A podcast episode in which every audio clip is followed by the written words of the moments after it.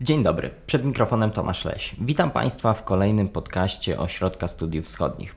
Dzisiaj skupimy się na temacie według wielu bardzo futurystycznym, ale w tym podcaście pokażemy, że to nie przyszłość, a już teraźniejszość. A o czym mówię? Mówię o wodorze, który jest bohaterem naszego dzisiejszego odcinka. Dowiecie się Państwo z naszego podcastu, co chociażby nasi zachodni sąsiedzi planują w związku z wodorem i czy wodór to ropa XXI wieku.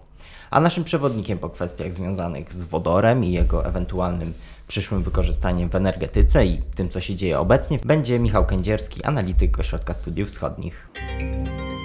To jest podcast Ośrodka Studiów Wschodnich.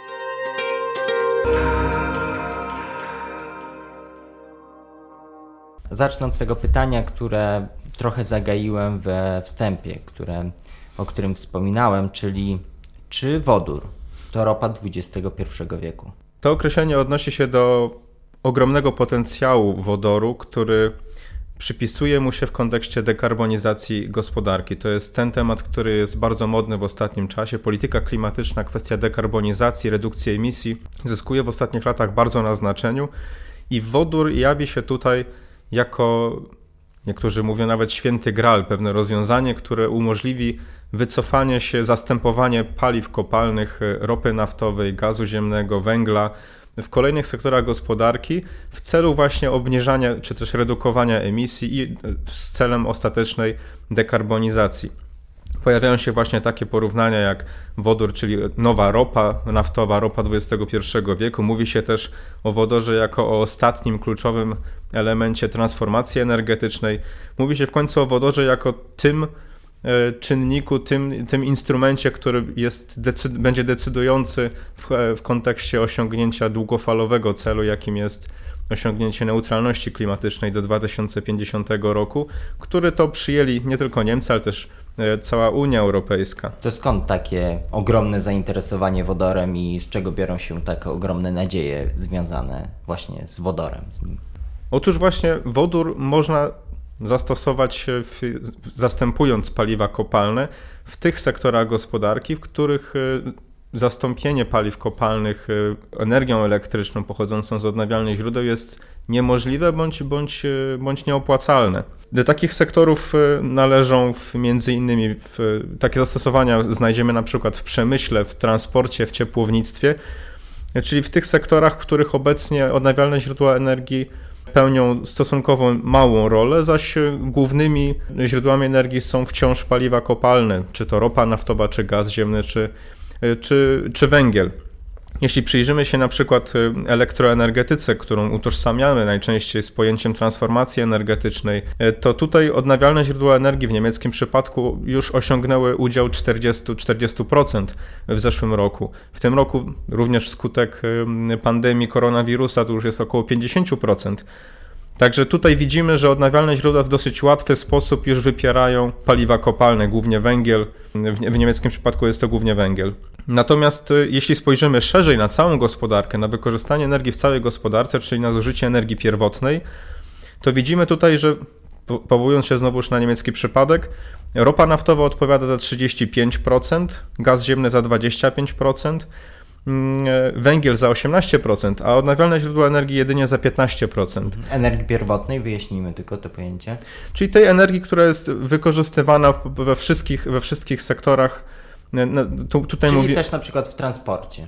Dokładnie, w transporcie, w, e, mówimy o energii cieplnej, w ciepłownictwie, o, o, całej, o, całej, o całej energii, która jest wykorzystywana w gospodarce, nie tylko o energii elektrycznej, którą też często, w, najczęściej może mamy na myśli, mówiąc o, o energii. Z kolei, jeśli spojrzymy na emisję, na strukturę emisji gazów cieplarnianych po, po, po, różnych sektorach y, gospodarki, to energetyka odpowiada za 32%, zaś przemysł za 23%, transport za 20%, a użytkowanie budynków za 15%. To są właśnie te sektory, w których y, wodór może znaleźć zastosowanie i wyprzeć paliwa kopalne, wypier zacząć wypierać paliwa kopalne w tej dłuższej perspektywie i obniżać emisję tak, aby na koniec za 30 lat umożliwić y, osiągnięcie neutralności klimatycznej. O tych potencjalnych zastosowaniach wodoru jeszcze powiemy, bo są one bardzo ciekawe, ale o tym później, bo najpierw wyjaśnijmy podstawowe pojęcia, podstawowe pojęcia, które będą się pojawiać w tej naszej rozmowie. Chciałem zapytać o kolory wodoru, bo okazuje się, że oczywiście w tej takiej, takim nazewnictwie, no nie chcę powiedzieć publicystycznym, ale może eksperckim, są różne rodzaje wodoru, które są określane różnymi kolorami. O co chodzi? Obecnie wykorzystuje się wodór, który jest pozyskiwany z paliw kopalnych. w, głównej mierze chodzi tutaj o procesy reformingu parowego gazu ziemnego i, i mm, regasyfikacji węgla. Pozyskiwany w tych procesach wodór jest, jest, e, jest emisyjny. Przy pozyskiwaniu wodoru w ten sposób powstają emisje, dlatego tak, tak pozyskiwany wodór określany jest jako szary. Te metody odpowiadają obecnie za 95% pozyskiwania wodoru. W 95% wodór, który jest obecnie wykorzystywany w gospodarce, to jest właśnie ten szary wodór. Natomiast bezemisyjną metodą pozyskiwania e, wodoru jest elektroliza wody. W tym procesie e, obok wody potrzebna jest energia elektryczna. Jeśli ona pochodzi z odnawialnych źródeł, wówczas mówimy o zielonym wodorze. Mamy jeszcze dwa kolejne rozwiązania, które są traktowane jako rozwiązania przejściowe, które mogą umożliwić e, w, tym średnim okresie zbudowanie, szybki rozwój gospodarki wodorowej, ale w tej długiej perspektywie osiągnięcia neutralności klimatycznej nie stanowią rozwiązań odpowiadającym potrzeby zrównoważonego rozwoju. W tym kontekście tylko zielony wodór jako ten bezemisyjny stanowi odpowiednie rozwiązanie. A mówię tutaj o wodorze, który może być pozyskiwany z gazu ziemnego, niebieskim wodorze, który y, różni się od szarego wodoru tym, że emitowany dwutlenek węgla jest wychwytywany i składowany na przykład pod dnem morskim lub w kawernach solnych. To jest właśnie niebieski wodór. Natomiast jest jeszcze turkusowy wodór, który powstaje w procesie pirolizy metanu, czyli również pochodzi z, z gazu ziemnego. Ten proces jest obecnie e, najmniej dopracowany, ta technologia jest najmniej dopracowana. Natomiast jest e, uważana za również dosyć perspektywiczną, bowiem w tej metodzie nie powstają dodatkowe emisje. E, chodzi tutaj o podgrzewanie do bardzo wysokich temperatur metanu w celu oddzielenia cząsteczek wodoru od cząsteczek e, węgla. W tym procesie obok wodoru e, jako, e, jako produkt uboczny pozostaje węgiel w postaci stałej i on może być potem również wykorzystywany na przykład e, w przemyśle. Także tu mamy takie cztery główne kolory wodoru rozpatrywane w, w dyskusji, w debacie na temat wodoru w, w celu dekarbonizacji. I ponieważ obecnie w 95% wykorzystuje się szary wodór, czyli ten emisyjny, w pierwszej kolejności chodzić będzie tutaj o zastąpienie tego właśnie wodoru wodorami, które są w, pozyskiwane w sposób bezemisyjny lub które są traktowane jako neutralne emisyjnie. Bo on, y, ten szary wodór jest po prostu najmniej korzystny z punktu widzenia ekologii, dużo lepszy jest każdy inny, a najlepszy jest zielony, tak? Dokładnie tak, dokładnie tak. Przejdźmy teraz do wykorzystania tego wodoru, do wykorzystania wodoru w różnych sektorach gospodarki i różnych sektorach naszego życia. Zacznijmy od przemysłu. Jaki potencjał tutaj ma wodór? Największe nadzieje wiąże się właśnie z wykorzystaniem wodoru w, w przemyśle, bowiem wykorzystanie właśnie energii elektrycznej z odnawialnych źródeł w celu redukcji emisji w tym sektorze jest niemożliwe bądź, bądź byłoby po, po prostu niepraktyczne. Tutaj na przykład mówimy o o przemyśle hutniczym przy produkcji stali, gdzie wodór mógłby wypierać, e, zacząć wypierać węgiel. Takie technologie już istnieją. E, inwestują w to m.in. Dwa, dwaj główni potentaci branży stalowej w Niemczech, czyli ThyssenKrupp i Salzgitter. W Niemczech branża stalowa, branża hutnicza odpowiada za 8% 8% emisji, także to jest bardzo duży kawałek tortu, który może być wskutek wykorzystania wodoru wyeliminowany e, z, z, niemieckich, e, z niemieckich emisji.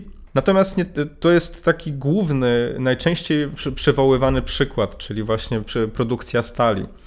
Natomiast obecnie wodór wykorzystywany jest głównie w przemyśle chemicznym i petrochemicznym. Tutaj, tak jak wspomnieliśmy, jest to wodór szary. W przemyśle można więc w, w, w pierwszej kolejności wyeliminować ten szary wodór, zastąpić go wodorami zielonym bądź niebieskim, w, y, czyli wodorami bezemisyjnym lub traktowanym jako neutralny emisyjnie niebieski. Ale możliwe jest też y, na przykład w przemyśle rafineryjnym produkcja paliw e, syntetycznych, produkcja paliw bazujących e, na, na wodorze. Które, produkcja paliw e, bazujących na wodorze, które mają takie same właściwości jak, jak benzyna, jak diesel, czy jak kerozyna, czyli paliwo lotnicze. Mhm.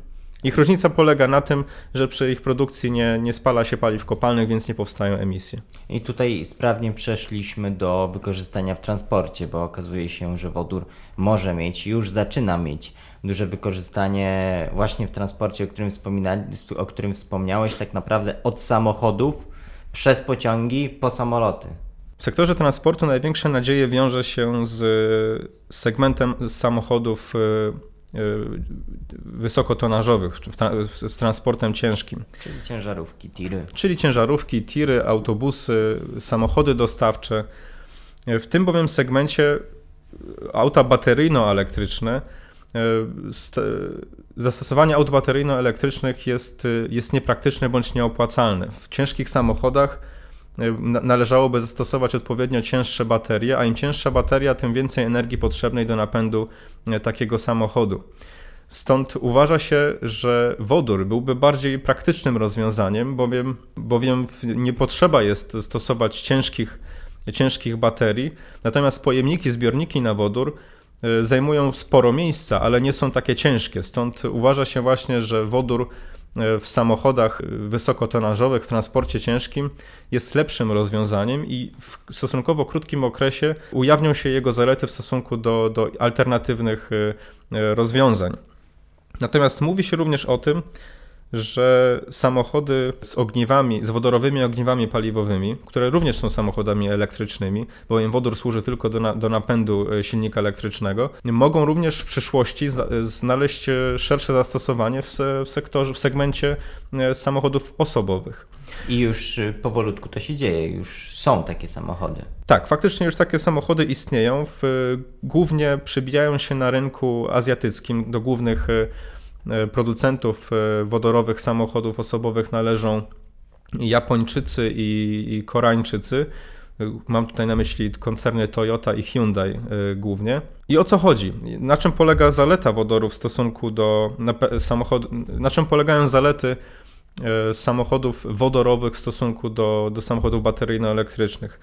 Otóż wskazuje się na to, że największymi wadami samochodów bateryjno-elektrycznych jest krótki, jest ich krótki zasięg oraz długi czas ładowania. W przypadku samochodów e, wodorowych z, e, z, wodorowymi ogniwami paliwowymi można wyeliminować te, te problemy, bowiem e, tankowanie samochodu wodorowego jest o wiele krótsze, nawet po, może być nawet porównywalne w, w czasem trwania do tankowania samochodu e, benzynowego, spalinowego. E, natomiast e, samochody wodorowe mogą mieć o wiele dłuższy zasięg niż samochody bateryjno-elektryczne. Problemem tych technologii jest to, że one są jeszcze stosowane na bardzo małą skalę, stąd samochody wodorowe są po prostu o wiele droższe i o wiele mniej dostępne. Wiele koncernów motoryzacyjnych dopiero rozwija te technologie, dopiero testuje ich możliwe zastosowanie w przyszłości. I tak jak wspomniałem, w, tu Azjaci wiodą prym, mają najbardziej dopracowane te technologie i też ambitne plany wprowadzenia na rynek w najbliższym dziesięcioleciu setek tysięcy y, modeli aut z wodorowymi ogniwami paliwowymi. Ale za tym będą musiały też pójść stacje do ładowania, bo co z tego, jeżeli ktoś, ktoś by sobie teraz kupił taki samochód wodorowy, jak nie miałby gdzie go zatankować czy naładować. Dokładnie tak. Tu jest kolejny problem, kolejna bariera, która musi zostać e, e, rozwiązana.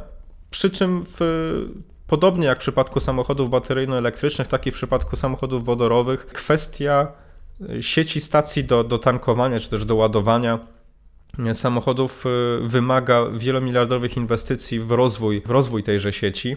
I są przeznaczone w Niemczech już środki na zbudowanie takiej sieci do tankowania. Obecnie w Niemczech istnieje nieco ponad 80 stacji do, do tankowania wodoru. Do końca roku ma być ich już 100 i mają powstawać głównie w, przy głównych, głównych trasach, tak aby przede wszystkim umożliwić właśnie wejście na rynek samochodów, na przykład ciężarowych na, na wodór. A inne środki transportu? Jeśli chodzi zaś o inne środki transportu, tutaj możemy przywołać przykład pociągów wodorowych. Tutaj te technologie również już e, są, e, istnieją, są już dosyć zaawansowane. Od 2018 roku w Niemczech testowano dwa pierwsze pociągi wodorowe i testowane jest z sukcesem, bowiem obecnie istnieją już zamówienia na kilkadziesiąt sztuk takich, takich jednostek. Mam tutaj na myśli pociągi osobowe, które mają kursować na niezelektryfikowanych trasach, bowiem e, pociągi na wodór miałyby na takich e, trasach e, wypierać lokomotywy dieslowskie, które są obecnie stosowane tam, gdzie nie poprowadzono sieci trakcyjnej elektrycznej. I, mowa tutaj o blisko 40 procentach. W niemieckim przypadku e, poziom elektryfikacji to jest nieco ponad 60%. Także istnieją tych, tych, tych odcinków, na których obecnie kursują pociągi e, dieslowskie, lokomotywy dieslowskie, jest dosyć sporo.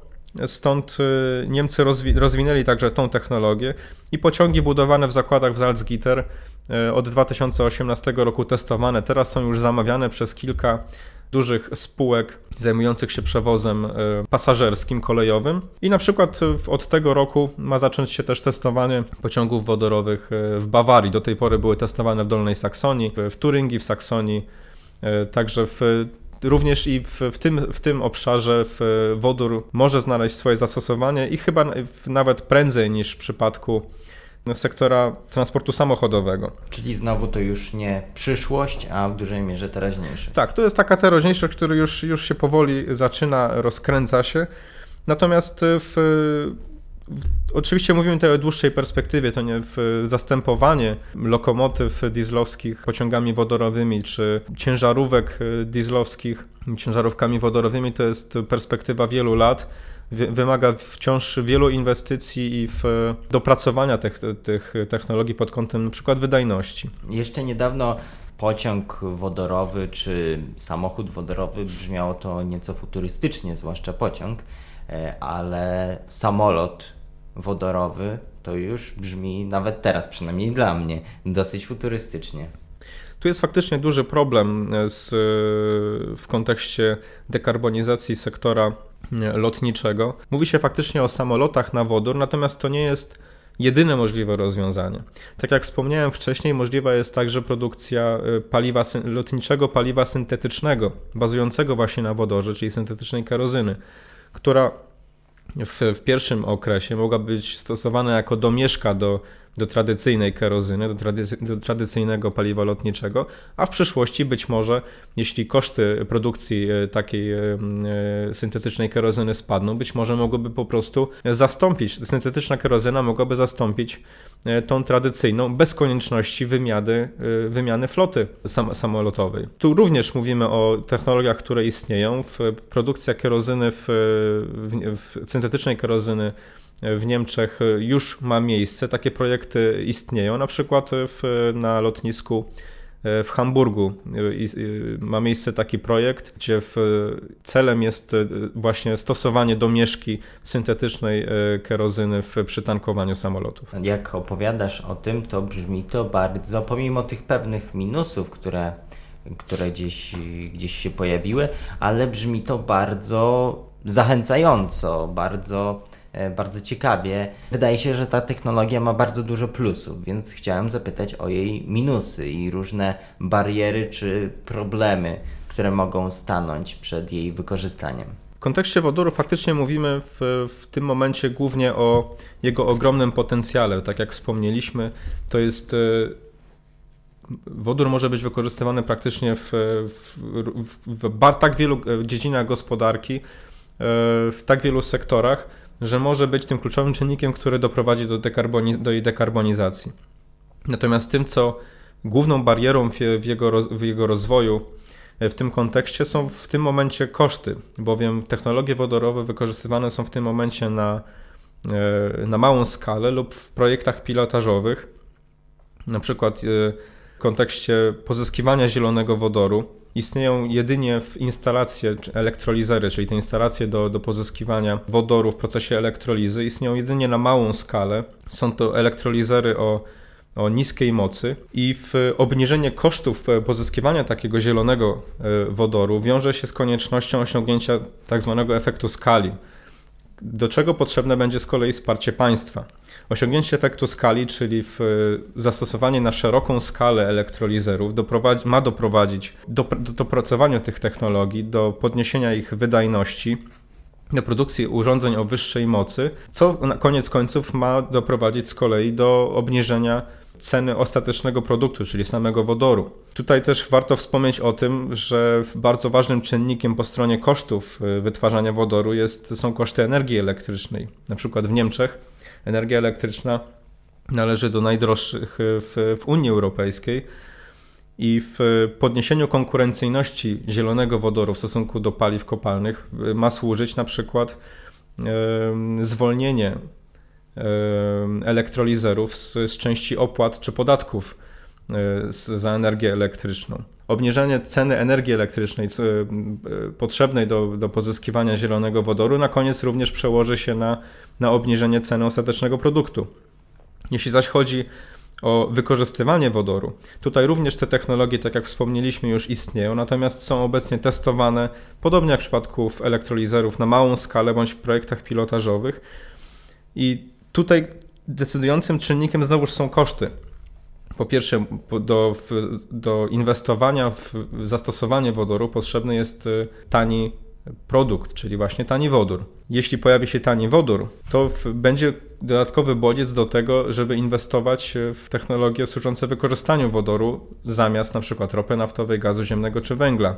Tutaj mówię w, w kontekście kosztów również wskazuje się na to, że w, w pomocnym czynnikiem może być wprowadzanie instrumentów przez państwo, które będą służy, służyły podrażaniu ropy naftowej, gazu ziemnego czy, czy węgla, czyli na przykład w, wprowadzanie ceny za emisję. Tak jak Niemcy od przyszłego roku, od 1 stycznia 2021 roku wprowadzają system handlu uprawnieniami do emisji w sektorach transportu i budownictwa podrażanie gazu ziemnego, podrażanie ropy, na wykorzystywania gazu ziemnego, ropy naftowej będzie koniec końców służyło podniesieniu konkurencyjności wykorzystywania energii elektrycznej lub właśnie wodoru pozyskiwanego na bazie energii elektrycznej. I bardzo, ważne w, bardzo ważną barierą, ostatnią w, bardzo ważną barierą w kontekście rozwoju technologii wodorowych jest w końcu infrastruktura. Infrastruktura, infrastruktura przesyłowa, na przykład w kontekście wykorzystywania wodoru w przemyśle, Tutaj mówi się, która obecnie nie istnieje. Tutaj mówi się o stworzeniu sieci wodorowej, która miałaby bazować na istniejącej sieci do przesyłu gazu ziemnego. W niemieckim przypadku istnieją, istnieje projekt stworzony przez operatorów sieci przesyłowej, gazowej sieci przesyłowej, który zakłada oparcie takiej sieci w 90% właśnie na istniejącej sieci gazu ziemnego a w 10% na dobudowaniu brakujących odcinków. Ta sieć miałaby służyć do transportu, do przesyłu czystego wodoru z miejsc, gdzie jest on wytwarzany lub z miejsc, w których mógłby być e, odbierany, na przykład w terminalach LNG, o tym też możemy zaraz powiedzieć, parę słów więcej, i transportować ten surowiec do wielkich zakładów e, przemysłowych, gdzie byłby on wykorzystywany ale ta moda na wodór, bo możemy, możemy myślę powiedzieć, że coś takiego obecnie jest, to nie jest pierwszy raz, gdy, gdy wybucha taki, takie wielkie zainteresowanie tym rozwiązaniem. Tak, faktycznie to nie jest pierwsza tego rodzaju moda na wodór. Z podobną mieliśmy do czynienia chociażby kilkanaście lat temu, na początku XXI wieku. Wówczas też powstawały pierwsze opracowania które wskazywały na potencjalne zastosowanie wodoru w różnych sektorach gospodarki. I z, w, na pierwszą dekadę XXI wieku datują się też pierwsze programy wsparcia rozwoju technologii wodorowych, na przykład w Niemczech. Różnica polega na tym, że tamtą modę i tą modę na wodór dzieli kilkanaście lat, które zostały wykorzystane na dopracowanie tych, tych technologii. I wszystko wskazuje na to, i tak należy rozumieć bardzo duże za, zaangażowanie po stronie państw w wypracowanie własnych strategii wodorowych, zaangażowanie firm w, w, w inwestowanie w, w technologie wodorowe, że te technologie już zostały na tyle dopracowane, że uznano, że to jest ten moment, kiedy należy pchnąć ich rozwój do przodu, doprowadzić do osiągnięcia właśnie tego efektu skali, o, których, o którym wspomnieliśmy, przy pomocy państwa, bo tutaj będą potrzebne właśnie gigantyczne inwestycje, szczególnie w tym początkowym okresie, żeby osiągnąć ten efekt skali i na końcu doprowadzić do szerokiego zastosowania tego wodoru w, w gospodarce. Bardzo ciekawym aspektem jest też w kontekście niemieckim. Tutaj e, Niemcy się przewijają ze względu na ich zainteresowanie wodorem. To zainteresowanie jest związane nie tylko z chęcią dekarbonizacji gospodarki, ale też z konkretnym interesem gospodarczym i z chęcią pewnego rodzaju ekspansji. Tutaj możemy nawet przewrotnie powiedzieć, że to może być e, główny, yy, główny cel, który stoi za niemieckim bardzo wyraźnym i ambitnym zaangażowaniem w, w rozwój technologii wodorowych. E, Niemcy przyjęli, Niemcy przyjęły ostatnio własną strategię wodorową, której główne założenia zamierzają również przeforsować na, na poziomie unijnym. I Niemcy wiążą z, z, technologiami wodorowy, z technologiami wodorowymi bardzo konkretne e, nadzieje, bardzo konkretne plany. Niemieckie firmy dysponują już e, dosyć zaawansowanym, e, zaawansowanymi technologiami i doświadczeniem w zakresie wykorzystywania wodoru, w zakresie pozyskiwania również wodoru w procesie elektrolizy. Jak wskazuje niemieckie Federalne Ministerstwo Oświaty i Badań, obecnie co piąty elektrolizer na świecie pochodzi właśnie z Niemiec. I Niemcy uważają, są przekonani, że dysponują odpowiednim potencjałem, żeby stać się globalnym liderem w obszarze wodoru i że technologie wodorowe, zarówno po stronie pozyskiwania zielonego wodoru, jak i jego wykorzystywania, mogą stać się kolejnym hitem eksportowym i w ten sposób Niemcy liczą na to, że zbudują nową branżę E, która, w której produkty będą, w, będą mogli sprzedawać na całym świecie. I dlaczego? Tutaj pojawia się właśnie połączenie z polityką klimatyczną. Bowiem, jak wspomnieliśmy, polityka klimatyczna w ostatnich latach zyskuje mocno na znaczeniu. Obserwujemy regularnie to, jak klimat się zmienia, jak się ociepla, i kolejne kraje zaczynają wprowadzać, wdrażać własne plany, kolejne instrumenty, które służą e, dekarbonizacji gospodarek i jest, rośnie zapotrzebowanie na technologie, które właśnie mają służyć eliminowaniu emisji. Niemcy liczą na to, że jeśli w odpowiednim momencie zainwestują w, w rozwój technologii wodorowych, to w, w, przyszłości, kiedy ten popyt na, na, wod, na technologie wodorowe będzie już tylko rósł, Niemcy, niemieckie firmy będą gotowe do sprzedaży produktów, które są już sprawdzone, zaawansowane e, i w ten sposób będą mogli w, zająć pierwsze miejsce w, w, tym, w tym wyścigu, e, głównie z państwami azjatyckimi, e, w tym wodorowym e, wyścigu dekarbonizacyjnym.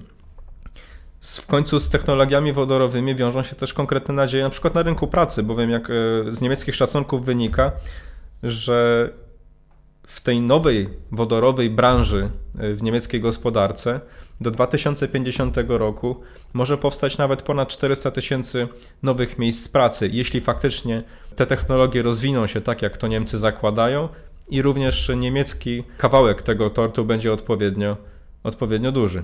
Mhm.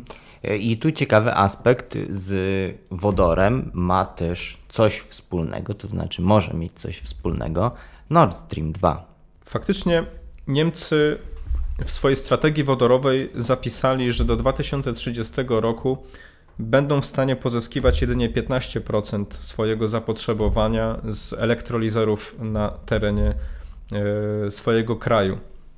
Reszta będzie musiała być importowana.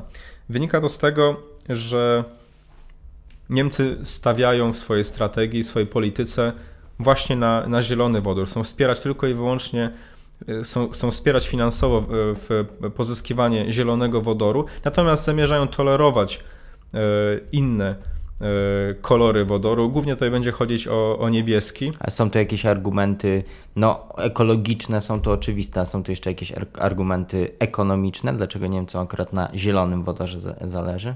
O tym właśnie wspomnieliśmy przy poprzednim pytaniu. Tutaj mhm. właśnie chodzi o to, że Zielony wodór i technologie związane z zielonym wodorem traktowane są jako te długofalowe, odpowiadające potrzebom zrównoważonego rozwoju w długim okresie. Stąd Niemcy liczą na to, że konkretnie dopracowanie tych technologii będzie, będzie że, w, że w przyszłości pojawi, będzie tylko i wyłącznie rósł popyt właśnie na, na, ten, na, na te technologie na, służące pozyskiwaniu zielonego wodoru z odnawialnych źródeł energii. Stąd Niemcy właśnie teraz chcą postawić konkretnie e, skupić się w, w, w, instrumentach wsparcia finansowego na pozyskiwaniu zielonego wodoru, żeby te technologie jak najszybciej dopracować, żeby móc je wprowadzić na rynek nie tylko krajowy, ale też, też globalny. Mhm. I wracając do, do, kwestii, do kwestii importu. Tutaj pojawia się nowa zależność. W, Pozyskiwanie zielonego wodoru, jak wspomnieliśmy, wiąże się z odnawialnymi źródłami energii. Niemcy zdają sobie już teraz sprawę z tego, że nie będą w stanie pokryć własnego zapotrzebowania na zielony wodór, dlatego, bo po prostu nie dysponują odpowiednim potencjałem przestrzennym e, pod rozbudowę instalacji, e, instalacji OZE, pod rozbudowę farm wiatrowych e, bądź też farm fotowoltaicznych. Stąd Niemcy wiedzą, i zakładają to, że będą musieli sprowadzać ten wodór. Do 2030 roku to może być nawet 85% ich zapotrzebowania. W pierwszej kolejności Niemcy zamierzają postawić na rynek y, unijny. Y, tutaj jako główny partner jawi się na przykład Holandia, która ma, przyjęła własną strategię wodorową, również ma bardzo ambitne plany i w dogodne warunki do produkcji zarówno zielonego, jak i niebieskiego wodoru. Podobnie bardzo zaawansowane plany i doświadczenia mają Norwegowie. Tutaj też Norwegia jawi się jako bardzo ważny, bardzo ważny partner.